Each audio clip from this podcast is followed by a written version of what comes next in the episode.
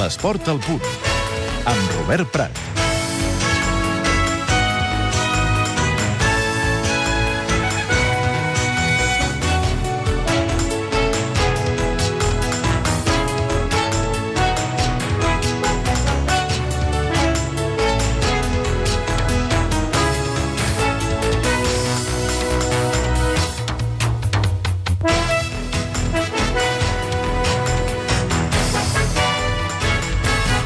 Avui dimarts arriba el primer compromís del Barça, el primer partit oficial de la pretemporada, un partit que es disputa a Hamburg per commemorar els 125 anys d'història del club alemany.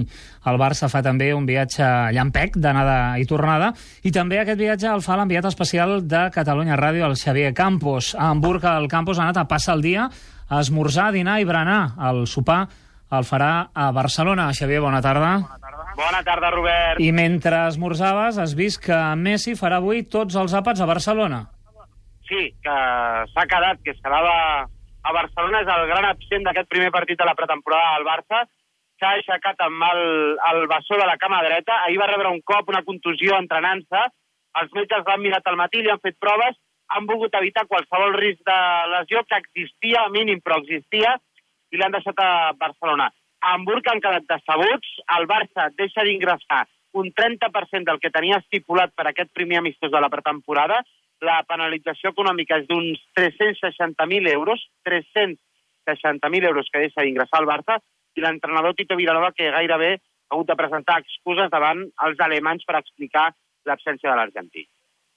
Sobretot ens sap greu per la, per la gent d'Hamburgo, que no, no, no el podrà veure, la gent que ha comprat l'entrada, Eh, ho sentim molt perquè a més ha sigut una baixa d'últim moment, ahir va entrenar, va acabar l'entrenament, sí que és veritat que ja va tindre un cop a l'entrenament i avui a primera hora del matí doncs, a les 7 ja quan s'ha llevat del llit ha notat que no, no es trobava bé, l'hem revisat eh, i hem vist que, que tenia la petita molèstia, petita lesió, que posava en risc el fet de si el fem jugar de li podia fer una lesió, una lesió més gran.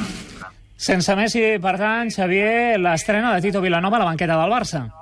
Sí, el d'avui aquí a Hamburg serà recordat com el primer partit de Tito Vilanova, com a primer entrenador. Guardiola va debutar contra el Hertz escocès, algú encara ho recorda, Vilanova debutarà contra l'Hamburg alemany. Les comparacions són inevitables també aquí a Alemanya, però no inquieten aquestes comparacions el nou entrenador del Barça, que viu ben tranquil, i que després de quatre anys, i això ha sobtat una miqueta, quatre anys amb l'equip com a segon entrenador, avui, per assumir el rol de primer tècnic, per primera vegada tampoc no és que sigui un dia tan diferent. No, no el sento com a, com a especial. Si arribés arribat, a, hagués arribat al club eh, i fos el meu primer any, ho, ho entendria com a especial. El fet de que, de que he estat 4 anys com a segon, entrenador, com a segon entrenador tots ho han, tots ho han sigut. Eh, i a més un partit de, de pretemporada entenc que és un partit que, que sí que, que, és, que és important però, però més que res en aquests moments estem per anar agafant, anar agafant el ritme i anar, agafant una mica la forma i tot el que set dies hem entrenat posar una mica sobre, sobre el camp. Empordanès com és Tito Vilanova ha volgut tenir un record per la gent de la seva terra de l'Empordà en aquests dies difícils pel foc. Ha esvaït qualsevol polèmica en Dani Alves, el millor lateral dret del món, mai no ha dubtat d'Alves i de la seva continuïtat al Barça. Ha dit que Felai no, de moment no es contempla cap sortida per l'holandès i que segueix creient, segueix creient Tito Vilanova que al mercat hi pot trobar moltíssims jugadors de l'estim de Javi Martínez, o sigui que no seria l'única opció pel Barça per reforçar l'eix de la defensa. Avui els centrals seran dos nanos joves, a part de Mascherano, Marc Muniesa i Marc Bartra, que tenen l'oportunitat de demostrar-li a Tito Vilanova que potser no li cal ficar un central.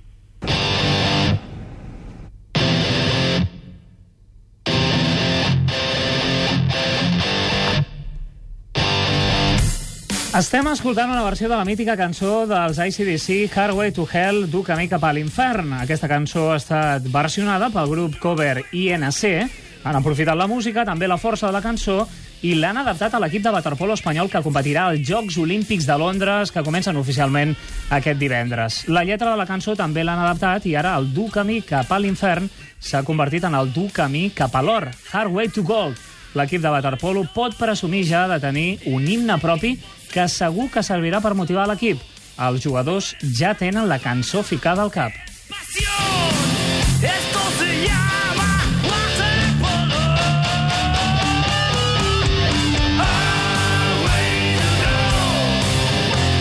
Company que havia estat a la selecció, el seu germà té un, té un grup de música, i bueno, ens van dir que si volien que ens farien alguna cançó així motivadora per nosaltres i tal, de, de, cara a l'equip, per poder per poder-nos motivar i tal. Llavors amb el Highway to Hell doncs han fet una versió que, que és uh, Hardway to, to Gold, no? El, un camí dur cap a, cap a l'or. Realment és un camí molt dur poder aconseguir un or i llavors aquesta cançó jo crec que reflexa tot, tot el que nosaltres eh, sentim a dins i fora l'aigua i llavors jo crec que és, un, és una gran cançó. Hay que luchar, nos creceremos ante la nosaltres no som, no som futbolistes, no som jugadors de bàsquet, o sigui, nosaltres això ens encanta perquè ens dona un plus. Ens motiva encara una miqueta més de cara als Jocs Olímpics i, i que sigui un punt de motivació encara més. Veritat, és que l'he sentit moltes vegades i posa la pell de gallina, no? I, I a més amb les imatges que han sortit també, o sigui que encara un plus més no? per, per afrontar aquests, aquests Jocs, Jocs Olímpics. I sobretot molt, molt agraït no, aquest grup, que, que sobretot ens, ens fa que estem una mica més en, en, en, en l'àmbit social no, de, dels mitjans de comunicació. La d'autocar i, i en moments que estem tot l'equip junts, doncs ja la posem, la cantem tots junts, eh, sobretot els coros, no, que són molt divertits, i ja s'està convertint en la, nostra, en la nostra cançó. Suposo que a mesura que passin els dies, passin els partits, cada vegada serà més, més nostra. La selecció de waterpolo que seran aquests Jocs de Londres, uns Jocs que veuran competir també alguns atletes sense país amb la bandera olímpica. Es tracta de casos molt aïllats. La història del maratonià nascut al Sudan del Sud, Guor Marial, és una d'aquelles que conmouen Carla Verdés. Guor Marial és un atleta maratonià del Sudan del Sud. Aquest país estava fins fa poc en guerra civil amb el Sudan per proclamar la independència. Marial va emigrar als Estats Units, on s'ha establert després de passar per altres països com Egipte. L'atleta va veure com la guerra acabava amb la vida de fins a 28 membres de la seva família, originària tota del Sudan del Sud. El Sudan del Sud va aconseguir la independència l'any passat, però el país encara no estat reconegut pel Comitè Olímpic Internacional. El Sudan va invitar a Marial a competir amb ells, però l'atleta africà ho va tenir clar des d'un principi. No podia competir amb la bandera del Sudan pels seus antecedents. Quan vaig rebre la carta que em van enviar, només em va venir al cap Oh, no he vist els meus pares durant 20 anys per culpa del Sudan. Així que competir pel Sudan era inacceptable per mi. Marial tampoc podia córrer amb els Estats Units perquè no té la nacionalitat americana. Així, el, el Comitè Olímpic ha decidit que Marial competirà com a atleta independent i que portarà la bandera olímpica. It's very emotional and it's very és molt emocionant i molt esperançador per la gent jove. Especialment per la gent jove significa molt. Per mi també suposa molt poder glorificar les persones que van morir per la llibertat. Persones que van perdre la vida, incloses 28 persones de la meva família. El seu esperit és el que em fa llevar cada matí, posar-me les sabates i intentar honorar-los. El de Marial no és el primer ni serà l'últim cas d'esportistes que han competit amb la bandera olímpica. Barcelona 92 va ser la pionera. En els Jocs de Londres, a més de Marial, tres esportistes de les Antilles neerlandeses també competiran amb la bandera olímpica i en cas de victòria sonaria l'himne olímpic al calaix més alt del podi.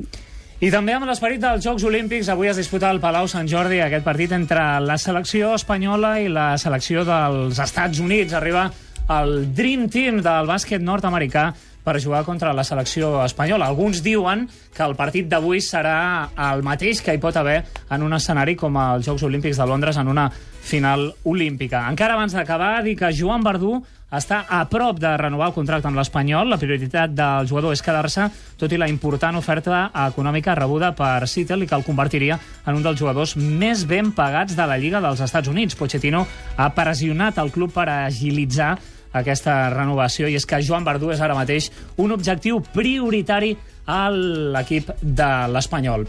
Ho deixem estar aquí, acabem aquesta edició reduïda de l'esport al punt, ara tot just a les 3, butlletí horari amb l'última hora sobre els incendis que hi ha ara mateix al país. Tornem demà. Adéu-siau, bona tarda.